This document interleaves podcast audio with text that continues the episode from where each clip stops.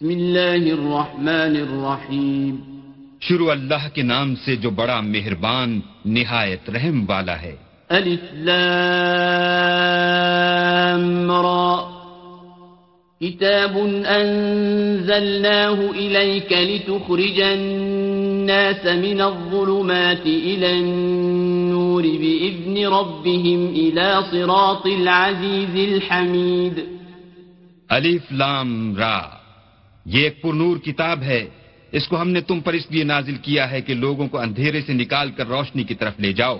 یعنی ان کے پروردگار کے حکم سے غالب اور قابل تعریف اللہ کے رستے کی طرف۔ الله الذي له ما في السماوات وما في الأرض وويل للكافرين من عذاب شديد وہ اللہ کہ جو کچھ آسمان اور زمین میں ہے سب اسی کا ہے۔ اور کافروں کے لیے عذاب سخت کی وجہ سے خرابی ہے۔ الذين يستحبون الحياة الدنيا على الآخرة ويصدون عن سبيل الله ويبغونها عوجا. أولئك في ضلال بعيد. جو آخرت کی نسبت دنیا کو پسند کرتے اور لوگوں کو اللہ کے رستے سے روکتے اور اس میں کجی چاہتے ہیں۔ یہ لوگ پرلے سرے کی گمراہی میں ہیں۔ وما أرسلنا من رسول إلا بلسان قومه ليبين لهم فيضل الله من يشاء ويهدي من يشاء وهو العزيز الحكيم۔ اور ہم نے کوئی پیغمبر نہیں بھیجا مگر اپنی قوم کی زبان بولتا تھا۔ تاکہ انہیں احکام اللہ کھول کھول کر بتا دے۔ پھر اللہ جسے چاہتا ہے گمراہ کرتا ہے اور جسے چاہتا ہے ہدایت دیتا ہے، اور وہ غالب اور حکمت والا ہے۔ ولقد أرسلنا موسى بآياتنا أن أخرج قومك من الظلمات إلى النور وذكرهم بأيام الله إن في ذلك لآيات لكل صبار شكور اور ہم نے موسا کو اپنی نشانیاں دے کر بھیجا کہ اپنی قوم کو تاریکی سے نکال کر روشنی میں لے جاؤ اور ان کو اللہ کے دن یاد دلاؤ اور اس میں ان لوگوں کے لیے جو صابر و شاکر ہیں، اللہ کی قدرت کی نشانیاں ہیں۔ وَإِذْ قَالَ مُوسَى لِقَوْمِهِ اذْكُرُوا نِعْمَةَ اللَّهِ عَلَيْكُمْ إِذْ أَنْجَاكُمْ مِنْ آلِ فِرْعَوْنَ يَسُومُونَكُمْ سُوءَ الْعَذَابِ وَيُذَبِّحُونَ أَبْنَاءَكُمْ وَيَسْتَحْيُونَ نِسَاءَكُمْ وفي بلاء من ربكم عظيم اور جب موسا نے اپنی قوم سے کہا کہ اللہ نے جو تم پر مہربانیاں کی ہیں ان کو یاد کرو، جبکہ تم کو فرعون کی قوم کے ہاتھ سے مخلصی دی۔ وہ لوگ تمہیں بڑے عذاب دیتے تھے اور تمہارے بیٹوں کو مار ڈالتے تھے اور عورت ذات یعنی تمہاری لڑکیوں کو زندہ رہنے دیتے تھے۔ اور اس میں تمہارے پروردگار کی طرف سے بڑی سخت آزمائش تھی۔ وَإِذْ تَأَذَّنَ رَبُّكُمْ لَئِن شَكَرْتُمْ لَأَزِيدَنَّكُمْ وَلَئِن كَفَرْتُمْ إِنَّ عَذَابِي لَشَدِيدٌ۔ اور جب تمہارے پروردگار نے تم کو آگاہ کیا کہ اگر شکر کرو گے تو میں تمہیں زیادہ دوں گا اور اگر ناشکری کرو گے تو یاد رکھو کہ میرا عذاب بھی سخت ہے وقال موسى إن تكفروا أنتم ومن في الأرض جميعا فإن الله لغني حميد. اور موسا نے صاف صاف کہہ دیا کہ اگر تم اور جتنے اور لوگ زمین میں ہیں سب کے سب ناشکری کرو تو اللہ بھی بے نیاز اور قابل تعریف ہے۔ ألم يأتكم نبأ الذين من قبلكم قوم نوح وعاد وثمود والذين من بعدهم لا يعلمهم إلا الله جاءتهم رسلهم بالبينات فردوا أيديهم في أفواههم وقالوا وقالوا إنا كفرنا بما أرسلتم به وإنا لفي شك تدعوننا بھلا تم کو ان لوگوں کے حالات کی خبر نہیں پہنچی جو تم سے پہلے تھے یعنی نوح اور عاد اور سمود کی قوم، اور جو ان کے بعد تھے، جن کا علم اللہ کے سوا کسی کو نہیں۔ جب ان کے پاس پیغمبر نشانیاں لے کر آئے، تو انہوں نے اپنے ہاتھ ان کے منہوں پر رکھ دیے کہ خاموش رہو اور کہنے لگے کہ ہم تو تمہاری رسالت کو تسلیم نہیں کرتے، اور جس چیز کی طرف تم ہمیں بلاتے ہو، ہم اس سے قوی شک میں ہیں۔ قالت رسلهم أفي الله شك فاطر السماوات والأرض يدعوكم ليغفر لكم من ذنوبكم ويؤخركم إلى أجل مسمى قالوا إن أنتم إلا بشر مثلنا تريدون أن تصدونا عما كان يعبد آباؤنا فأتونا بسلطان مبين ان کے پیغمبروں نے کہا، کیا تم کو اللہ کے بارے میں شک ہے جو آسمانوں اور زمین کا پیدا کرنے والا ہے؟ وہ تمہیں اس لیے بلاتا ہے کہ تمہارے گناہ بخشے اور فائدہ پہنچانے کے لیے ایک مدت مقرر تک تم کو مہلت دے۔ وہ بولے کہ تم تو ہمارے ہی جیسے آدمی ہو۔ تمہارا یہ منشا ہے کہ جن چیزوں کو ہمارے بڑے پوچھتے رہے ہیں، ان کے پوجنے سے ہم کو بند کر دو۔ تو اچھا کوئی کھلی دلیل لاؤ یعنی معجزہ دکھاؤ۔ قالت لهم رسلهم إن نحن إلا بشر مثلكم، ولكن الله يمن على من يشاء من عباده۔ وما كان لنا أن نأتيكم بسلطان إلا بإذن الله وعلى الله فليتوكل المؤمنون پیغمبروں نے ان سے کہا کہ ہاں ہم تمہارے ہی جیسے آدمی ہیں، لیکن اللہ اپنے بندوں میں سے جس پر چاہتا ہے نبوت کا احسان کرتا ہے۔ اور ہمارے اختیار کی بات نہیں کہ ہم اللہ کے حکم کے بغیر تم کو تمہاری فرمائش کے مطابق معجزہ دکھائیں۔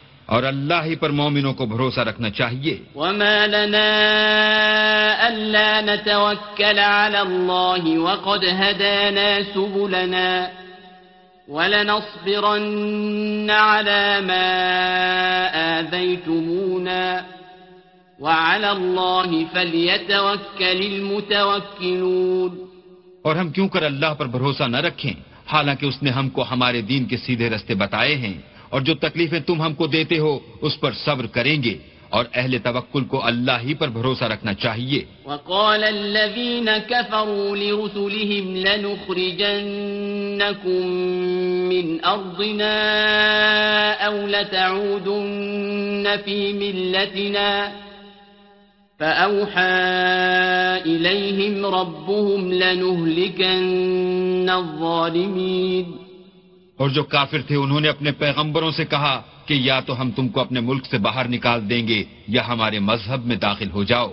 تو پروردگار نے ان کی طرف وہی بھیجی کہ ہم ظالموں کو ہلاک کر دیں گے۔ وَلَنُسْكِنَنَّكُمُ الْأَرْضَ مِن بَعْدِهِمْ۔ ذَلِكَ لِمَنْ خَافَ مَقَامِي وَخَافَ وَعِيدِ۔ اور ان کے بعد تم کو اس زمین میں آباد کریں گے۔ یہ اس شخص کے لیے ہے جو قیامت کے روز میرے سامنے کھڑے ہونے سے ڈرے اور میرے عذاب سے خوف کرے۔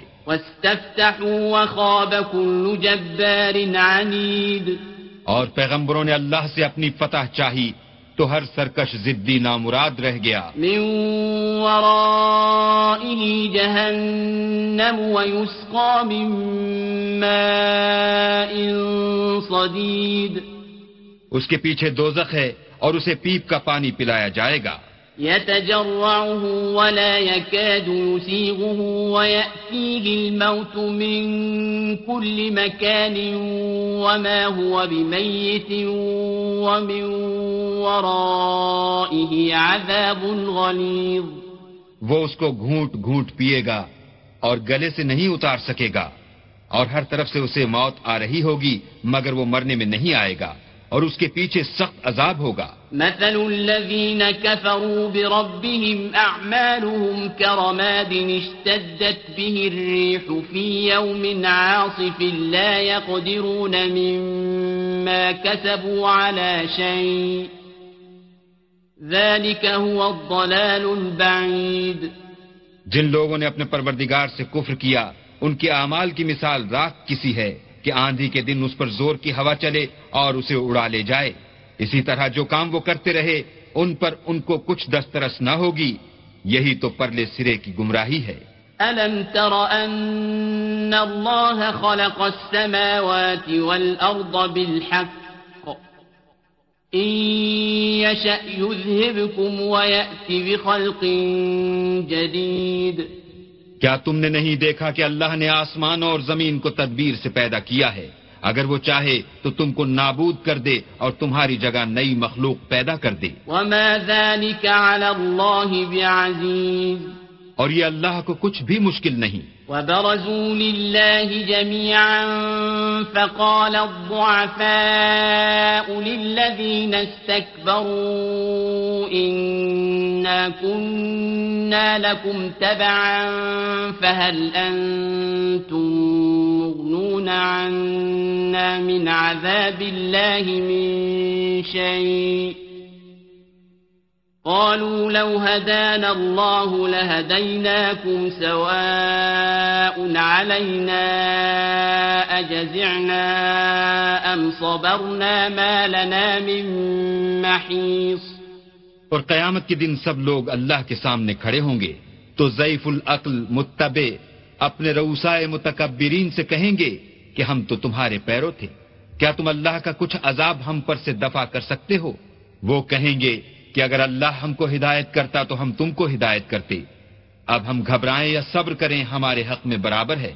کوئی جگہ گریز اور رہائی کی ہمارے لیے نہیں ہے۔ وقال الشيطان لما قضي الأمر إن الله وعدكم وعد الحق ووعدتكم فأخلفتكم وما كان لي عليكم من سلطان إلا أن دعوتكم فاستجبتم لي فلا تلوموني ولوموا أنفسكم ما أنا بمصرخكم وما أنتم بمصرخي إني كفرت بما أشركتمون من قبل. إن الظالمين لهم عذاب أليم. جب حساب کتاب کا کام فیصل ہو چکے گا، تو شیطان کہے گا، جو وعدہ اللہ نے تم سے کیا تھا وہ تو سچا تھا، اور جو وعدہ میں نے تم سے کیا تھا وہ جھوٹا تھا، اور میرا تم پر کسی طرح کا زور نہیں تھا۔ ہاں میں نے تم کو گمراہی اور باطل کی طرف بلایا۔ تو تم نے جلدی سے اور بے دلیل میرا کہنا مان لیا۔ تو آج مجھے ملامت نہ کرو، اپنے آپ ہی کو ملامت کرو۔ نہ میں تمہاری فریاد رسی کر سکتا ہوں اور نہ تم میری فریاد رسی کر سکتے ہو۔ میں اس بات سے انکار کرتا ہوں کہ تم پہلے مجھے شریک بناتے تھے۔ بے شک جو ظالم ہیں، ان کے لیے درد دینے والا عذاب ہے۔ وأدخل الذين آمنوا وعملوا الصالحات جنات تجري من تحتها الأنهار خالدين فيها بإذن ربهم تحيتهم فيها سلام اور جو ایمان لائے اور عمل نیک کیے، وہ بہشتوں میں داخل کیے جائیں گے۔ جن کے نیچے نہریں بہ رہی ہیں، اپنے پروردگار کے حکم سے ہمیشہ ان میں رہیں گے۔ وہاں ان کے صاحب سلامت سلام ہوگا۔ ألم تر كيف ضرب الله مثلا كلمة طيبة كشجرة طيبة أصلها ثابت وفرعها في السماء کیا تم نے نہیں دیکھا کہ اللہ نے پاک بات کی کیسی مثال بیان فرمائی ہے؟ وہ ایسی ہے جیسے پاکیزہ درخت جس کی جڑ مضبوط یعنی زمین کو پکڑے ہوئے ہو اور شاخیں آسمان میں۔ كل حين بإذن ربها ويضرب الله الأمثال للناس لعلهم يتذكرون۔ اپنے پروردگار کے حکم سے ہر وقت پھل لاتا اور میوے دیتا ہو اور اللہ لوگوں کے لیے مثال بیان فرماتا ہے تاکہ وہ نصیحت پکڑیں۔ ومثل كلمة خبيثة كشجرة خبيثة اجتثت من فوق الأرض ما لها من قرار. اور ناپاک بات کی مثال ناپاک درخت کسی ہے، نہ جڑ مستحکم، نہ شاخیں بلند، زمین کے اوپر ہی سے اکھیڑ کر پھینک دیا جائے، اس کو ذرا بھی قرار و ثبات نہیں۔ يثبت الله الذين آمنوا بالقول الثابت في الحياة الدنيا وفي الآخرة ويضل الله الظالمين ويفعل الله ما يشاء اللہ مومنوں کے دلوں کو صحیح اور پکی بات سے دنیا کی زندگی میں بھی مضبوط رکھتا ہے اور آخرت میں بھی رکھے گا اور اللہ بے انصافوں کو گمراہ کر دیتا ہے اور اللہ جو چاہتا ہے کرتا ہے۔ ألم تر إلى الذين بدلوا نعمة الله كفرا وأحلوا قومهم دار البوار۔ کیا تم نے ان لوگوں کو نہیں دیکھا جنہوں نے اللہ کے احسان کو ناشکری سے بدل دیا اور اپنی قوم کو تباہی کے گھر میں اتارا؟ جهنم يصلونها وبئس القرار۔ وہ گھر دوزخ ہے۔ سب ناشکرے اس میں داخل ہوں گے۔ اور وہ برا ٹھکانہ ہے۔ وجعلوا لله ليضلوا عن سبيله قل تمتعوا فإن مصيركم إلى النار اور ان لوگوں نے اللہ کے شریک مقرر کیے کہ لوگوں کو اس کے رستے سے گمراہ کریں۔ کہہ دو کہ چند روز فائدے اٹھا لو آخر کار تم کو دوزک کی طرف لوٹ کر جانا ہے۔ قل لعبادي الذين آمنوا يقيموا الصلاة وينفقوا مما رزقناهم سرا وعلانية وينفقوا مما رزقناهم سرا وعلانية من قبل أن يأتي يوم لا بيع فيه ولا خلال اے پیغمبر، میرے مومن بندوں سے کہہ دو کہ نماز پڑھا کریں اور اس دن کے آنے سے پیشتر جس میں نہ اعمال کا سودا ہوگا اور نہ دوستی کام آئے گی۔ ہمارے دیے ہوئے مال میں سے در پردہ اور ظاہر خرچ کرتے رہیں۔ الله الذي خلق السماوات والأرض وأنزل من السماء ماء فأخرج به من الثمرات رزقا لكم فأخرج به من الثمرات رزقا لكم وسخر لكم الفلك لتجري في البحر بأمره وسخر لكم الأنهار اللہ ہی تو ہے جس نے آسمان اور زمین کو پیدا کیا اور آسمان سے مہ برسایا، پھر اس سے تمہارے کھانے کے لیے پھل پیدا کیے اور کشتیوں اور جہازوں کو تمہارے زیر فرمان کیا تاکہ دریا اور سمندر میں اس کے حکم سے چلیں۔ اور نہروں کو بھی تمہارے زیر فرمان کیا۔ وسخر لكم الشمس والقمر دائبين وسخر لكم الليل والنهار۔ اور سورج اور چاند کو تمہارے لیے کام میں لگا دیا کہ دونوں دن رات ایک دستور پر چل رہے ہیں اور رات اور دن کو بھی تمہاری خاطر کام میں لگا دیا۔ وآتاكم من كل ما سألتموه۔ وإن تعدوا نعمة الله لا تحصوها إن الإنسان لظلوم كفار اور جو کچھ تم نے مانگا سب میں سے تم کو عنایت کیا۔ اور اگر اللہ کے احسان گننے لگو تو شمار نہ کر سکو، مگر لوگ نعمتوں کا شکر نہیں کرتے۔ کچھ شک نہیں کہ انسان بڑا بے انصاف اور نا شکر ہے۔ وَإِذْ قَالَ إِبْرَاهِيمُ رَبِّ اجْعَلْ هَذَا الْبَلَدَ آمِنًا وَاجْنُبْنِي وَبَنِيَّ أَن نَّعْبُدَ الْأَصْنَامَ۔ اور جب ابراہیم نے دعا کی کہ میرے پروردگار اس شہر کو لوگوں کے لیے امن کی جگہ بنا دے اور مجھے اور میری اولاد کو اس بات سے کہ بتوں کی پرستش کرنے لگیں، بچائے رکھ۔ رب إنهن أضللن كثيرا من الناس فمن تبعني فإنه مني ومن عصاني فإنك غفور رحيم۔ اے پروردگار، انہوں نے بہت سے لوگوں کو گمراہ کیا ہے، سو جس شخص نے میرا کہا مانا وہ میرا ہے، اور جس نے میری نافرمانی کی تو تو بخشنے والا مہربان ہے ربنا انی اسکنت من ذریتی بواد غیر ذی زرع عند بیتك المحرم. ربنا ليقيموا الصلاة فاجعل أفئدة من الناس تهوي إليهم. فاجعل أفئدة من الناس تهوي إليهم وارزقهم من الثمرات لعلهم يشكرون. اے پروردگار، میں نے اپنی اولاد میدان مکہ میں جہاں کھیتی نہیں، تیرے عزت و ادب والے گھر کے پاس لا بسائی ہے۔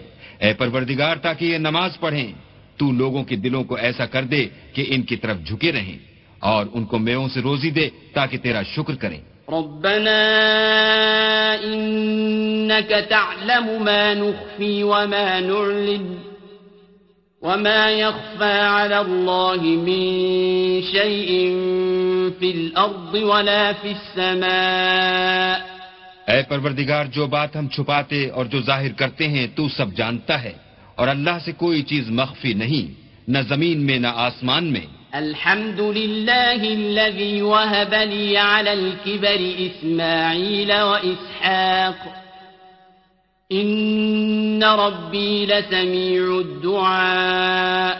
اللہ کا شکر ہے جس نے مجھ کو بڑی عمر میں اسماعیل اور اسحاق بخشے. بے شک میرا پروردگار دعا سننے والا ہے. رب جعلني مقيم الصلاة ومن ذريتي ربنا وتقبل دعاء. اے پروردگار مجھ کو ایسی توفیق عنایت کر کے نماز پڑھتا رہوں اور میری اولاد کو بھی یہ توفیق بخش۔ اے پروردگار میری دعا قبول فرما۔ ربنا اغفر لي ولوالدي وللمؤمنين يوم يقوم الحساب. اے پروردگار حساب کتاب کے دن مجھ کو اور میرے ماں باپ کو اور مومنوں کو مغفرت کیجو۔ ولا تحسبن الله غافلا عما يعمل الظالمون إنما يؤخرهم ليوم تشخص فيه الأبصار اور مومنوں مت خیال کرنا کہ یہ ظالم جو عمل کر رہے ہیں، اللہ ان سے بے خبر ہے۔ وہ ان کو اس دن تک مہلت دے رہا ہے، جبکہ دہشت کے سبب آنکھیں کھلی کی کھلی رہ جائیں گی۔ مهطعين مقنعي رؤوسهم لا يرتد إليهم طرفهم وأفئدتهم هواء. اور لوگ سر اٹھائے ہوئے میدان قیامت کی طرف دوڑ رہے ہوں گے۔ ان کی نگاہیں ان کی طرف لوٹ نہ سکیں گی۔ اور ان کے دل مارے خوف کے ہوا ہو رہے ہوں گے وَأَنذِرِ النَّاسَ يَوْمَ يَأْتِيهِمُ الْعَذَابُ فَيَقُولُ الَّذِينَ ظَلَمُوا رَبَّنَا أَخِّرْنَا إِلَىٰ أَجَلٍ قَرِيبٍ نُجِبْ دَعْوَتَكَ وَنَتَّبِعِ الرُّسُلَ. أولم تكونوا أقسمتم من قبل ما لكم من زوال۔ اور لوگوں کو اس دن سے آگاہ کر دو جب ان پر عذاب آ جائے گا۔ تب ظالم لوگ کہیں گے کہ اے ہمارے پروردگار، ہمیں تھوڑی سی مدت مہلت عطا کر تاکہ ہم تیری دعوت توحید قبول کریں اور تیرے پیغمبروں کے پیچھے چلیں۔ تو جواب ملے گا، کیا تم پہلے قسمیں نہیں کھایا کرتے تھے کہ تم کو اس حال سے جس میں تم ہو زوال اور قیامت کو حساب اعمال نہیں ہوگا؟ وَسَكَنْتُمْ فِي مَسَاكِنِ الَّذِينَ ظَلَمُوا أَنفُسَهُمْ وَتَبَيَّنَ لَكُمْ كَيْفَ فَعَلْنَا بِهِمْ وَضَرَبْنَا لَكُمُ الْأَمْثَالِ. اور جو لوگ اپنے آپ پر ظلم کرتے تھے، تم ان کے مکانوں میں رہتے تھے اور تم پر ظاہر ہو چکا تھا کہ ہم نے ان لوگوں کے ساتھ کس طرح کا معاملہ کیا تھا اور تمہارے سمجھانے کے لیے مثالیں بیان کر دی تھیں۔ وَقَدْ مَكَرُوا مَكْرَهُمْ وَعِندَ اللَّهِ مَكْرُهُمْ وَإِن كَانَ مَكْرُهُمْ لِتَزُولَ مِنْهُ الْجِبَالِ اور انہوں نے بڑی بڑی تدبیریں کی اور ان کی سب تدبیریں اللہ کے ہاں لکھی ہوئی ہیں۔ گو وہ تدبیریں ایسی غضب کی تھیں کہ ان سے پہاڑ بھی ٹل جائیں۔ فلا تحسبن الله مخلف وعده رسله إن الله عزيز ذو انتقام تو ایسا خیال نہ کرنا کہ اللہ نے جو اپنے پیغمبروں سے وعدہ کیا ہے اس کے خلاف کرے گا۔ بے شک اللہ زبردست اور بدلہ لینے والا ہے۔ يوم تبدل الأرض غير الأرض والسماوات وبرزوا لله الواحد القهار۔ جس دن یہ زمین دوسری زمین سے بدل دی جائے گی اور آسمان بھی بدل دیے جائیں گے اور سب لوگ اللہ یگانہ و زبردست کے سامنے نکل کھڑے ہوں گے۔ وترى المجرمين يومئذ مقرنين في الأصفاد۔ اور اس دن تم گناہ گاروں کو دیکھو گے کہ زنجیروں میں جکڑے ہوئے ہیں۔ سرابيلهم من قطران وتغشى وجوههم النار۔ ان کے کرتے گندھک کے ہوں گے اور ان کے منہوں کو آگ لپٹ رہی ہوگی۔ ليجزي الله كل نفس ما كسبت إن الله سريع الحساب یہ اس لیے کہ اللہ ہر شخص کو اس کے اعمال کا بدلہ دے۔ بے شک اللہ جلد حساب لینے والا ہے۔ هذا بلاغ للناس ولينذروا به وليعلموا أنما هو إله واحد وليذكر أولو الألباب. یہ قرآن لوگوں کے نام اللہ کا پیغام ہے تاکہ ان کو اس سے ڈرایا جائے اور تاکہ وہ جان لیں کہ وہی اکیلا معبود ہے اور تاکہ اہل عقل نصیحت پکڑیں۔